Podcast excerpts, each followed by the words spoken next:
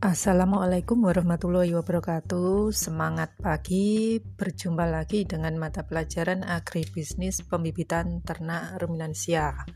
Masih dalam episode pemeliharaan induk bunting untuk pertemuan kedua ya.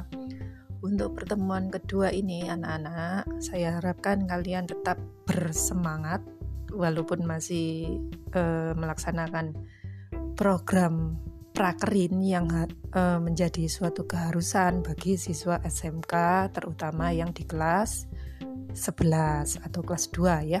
Tetap semangat untuk menyimak pelajaran agribisnis pembibitan ternak ruminansia ya. Untuk hari ini uh, yang akan dibahas adalah masalah perkandangan induk bunting ya. Jadi di tempat PSG kalian ruminansia ataupun non ruminansia tentunya ternak itu berada di dalam kandang ya. Jadi di sini kandang pada induk bunting itu berfungsi untuk melindungi dari pengaruh lingkungan ya serta memberikan kenyamanan pada induk bunting sehingga diharapkan pertumbuhan anak dan induk dapat maksimal serta proses kelahirannya dapat berjalan lancar.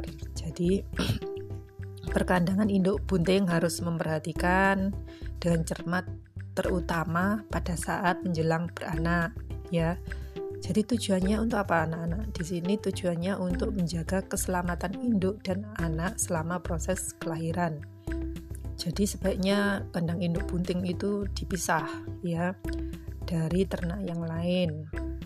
Jadi perkandangan induk bunting pada dasarnya dibedakan berdasarkan usia kebuntingan ya. Usia kebuntingan 0 sampai 8 bulan untuk ruminansia jenis besar, misalnya sapi ya. Dan usia 8 bulan sampai dengan pedet umur 2 bulan ya. Untuk uh, kandang induk bunting usia kebuntingan 0 sampai 8 bulan itu uh, disesuaikan dengan sistem yang dipilih oleh peternak ya. Jadi ada sistem koloni dan ada sistem kandang individu. Kalau untuk kandang koloni itu diisi beberapa induk yang sedang bunting dalam satu kandang ya. Jadi boleh dikelompokkan satu kandang isinya induk bunting semua. Tetapi kalau dicampur dengan pejantan ya tidak bisa ya karena nanti akan uh, berpengaruh pada induk ya. Kemudian kandang koloni ini bisa berisi 10 sampai 30 ekor induk bunting ya. Jadi diperhatikan juga kalau untuk kandang koloni eh, masalah kepadatan ya. Kepadatan induk bunting yang ideal adalah 9 meter persegi per ekor ya. Jadi kepadatan yang terlalu tinggi menyebabkan induk menjadi stres karena ada persaingan dalam memperebutkan pakan ya. Kemudian Sistem pemeliharaan pada kandang individu eh, pada induk bunting prinsipnya membatasi ruang gerak. Kemudian di sini pembatasan ruang gerak dapat menggunakan tembok, kayu ataupun dengan tali ya. Kelebihannya dari kandang individu ini adalah konsumsi pakan dari induk bunting dapat terpantau atau dikontrol. Ya hanya saja kekurangannya adalah kurang gerak sehingga berpengaruh pada proses kelahiran ya. Sehingga untuk mengatasi masalah tersebut diperlukan exercise pada induk bunting. Apa sih exercise itu? Exercise itu adalah uh, dilakukan minimal satu minggu satu kali untuk satu per tiga kepentingan akhir ya tujuannya untuk uh, meningkatkan kekencangan otot-otot induk bunting. Bagaimana caranya melakukan exercise? Ya, ternaknya dilepas sebentar, ya kemudian dibiarkan berjalan-jalan ya sehingga otot-ototnya bisa kencang.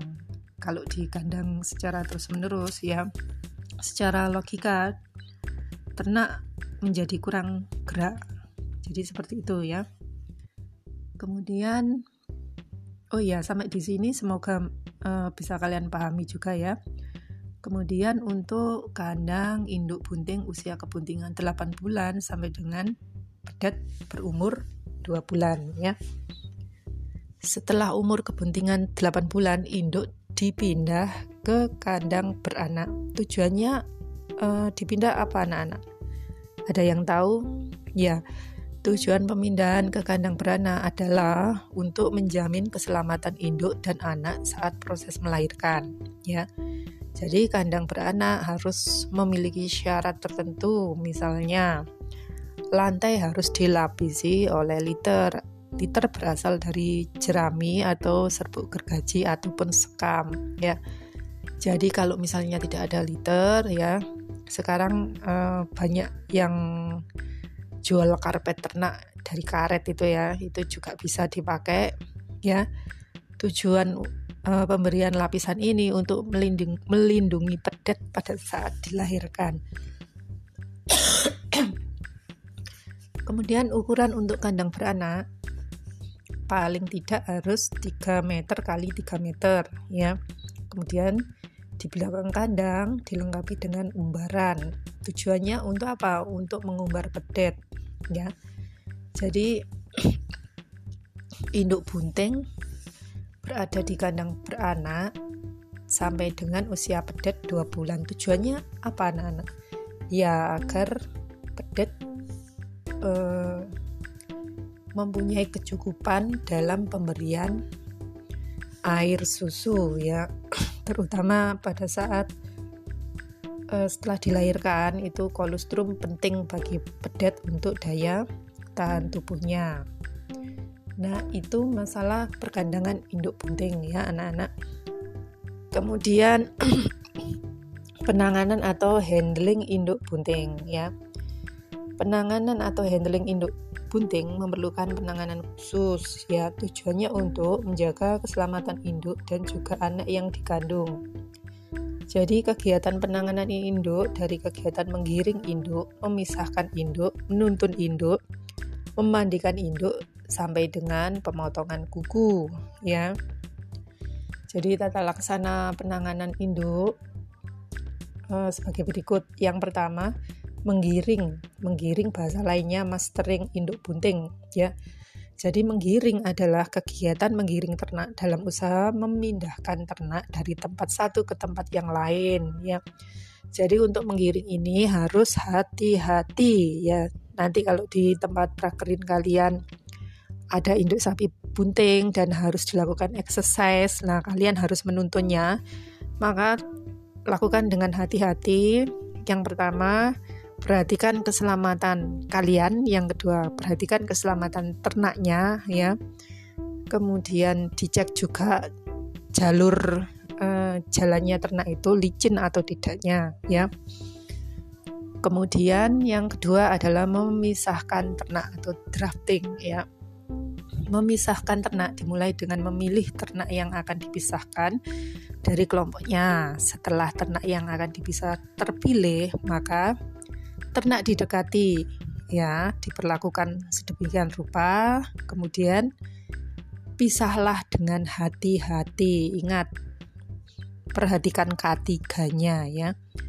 Kemudian menuntun induk.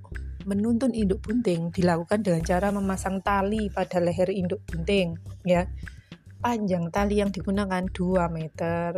Jadi untuk menuntun induk bunting dapat dilakukan satu orang atau dua orang untuk yang penuntun satu orang, penuntun berada di samping kiri dari induk bunting. Kemudian ditarik ke depan. Untuk penuntun dua orang, penuntun berada di samping kiri dan kanan induk. Yang dituntun kemudian ditarik secara bersama-sama ya. bagaimana kalau terjadi kasus ternaknya mogok di jalan? Ayo, bagaimana solusinya? Ya, ya, kalian rayu dulu ya, atau di manajemen uh, tingkah lakunya ya, sehingga ternaknya menjadi nurut lagi. Karena ternak yang mogok itu nggak bisa dipaksa, maka hindari ketidaknyamanan pada ternak ya. Jangan melakukan tindakan yang membuat ternak e, menjadi stres. Misalnya dipecut, dipukul itu tidak boleh ya. Kemudian yang keempat, mengikat ternak. Mengikat ternak sapi dapat dilakukan untuk keperluan menuntun atau keperluan peternak untuk mengembalakan ternaknya ya. Jadi mengikat ternak di dalam kandang agar ternak tidak ke mana-mana. Jadi mengikat sapi sebaiknya menggunakan tali tambang dari rami ya. Jadi dipilih talinya itu dipilih biar tidak melukai leher ternak. Jangan memilih tali yang tajam ya. Jadi pilihlah jenis yang lembut. Kemudian uh, memandikan ternak. Untuk menjaga kebersihan badan ternak perlu dilakukan pembersihan dengan cara memandikan ya. Tujuannya apa anak-anak? Agar kulitnya bersih, tidak tertutup daging sehingga sapi terhindar dari penyakit. Cara memandikan bagaimana? Tentunya di lokasi prakerin kalian itu kalian juga harus belajar cara memandikan yang benar, ya. Jadi kalau secara teori di sini eh, sapinya atau ternaknya diikat dulu induknya ya. Kemudian atau kalau misalnya ternak itu liar, agak liar ya, dan membahayakan, maka diletakkan di kandang jepit, baru kemudian disiram dengan menggunakan selang. Tetapi kalau sudah jinak, ya tidak perlu masuk ke kandang jepit, ya. Setelah disiram dengan air, nah badannya digosok menggunakan sikat dan e, lebih bagus lagi jika menggunakan sabun sehingga uh, tubuhnya ternak tersebut dalam keadaan yang selalu bersih ya. Nah, sampai di sini uh, saya rasa cukup ya anak-anak. Coba nanti kalau di tempat kalian terutama yang PSGD ruminansia baik ruminansia besar maupun kecil kalau menemui induk bunting ya silakan nanti kamu praktekkan ya e, cara perawatannya bagaimana terus pada saat di kandang bagaimana syukur-syukur kalau menemui kasus e, melahirkan. Mohon nanti kalian dokumentasikan kemudian difoto ya prosesnya merawat induk bunting sampai dengan kelahiran ternak itu sendiri ya. Tetap semangat dalam prakerin ya tetap semangat belajar di mana pun kalian berada ya galilah ilmu sebanyak mungkin mumpung masih prakerin itu saja dari mata pelajaran pembibitan hari ini terima kasih atas uh, perhatiannya semoga ilmu yang kalian dapatkan uh, bisa bermanfaat. Assalamualaikum warahmatullahi wabarakatuh. Selamat pagi.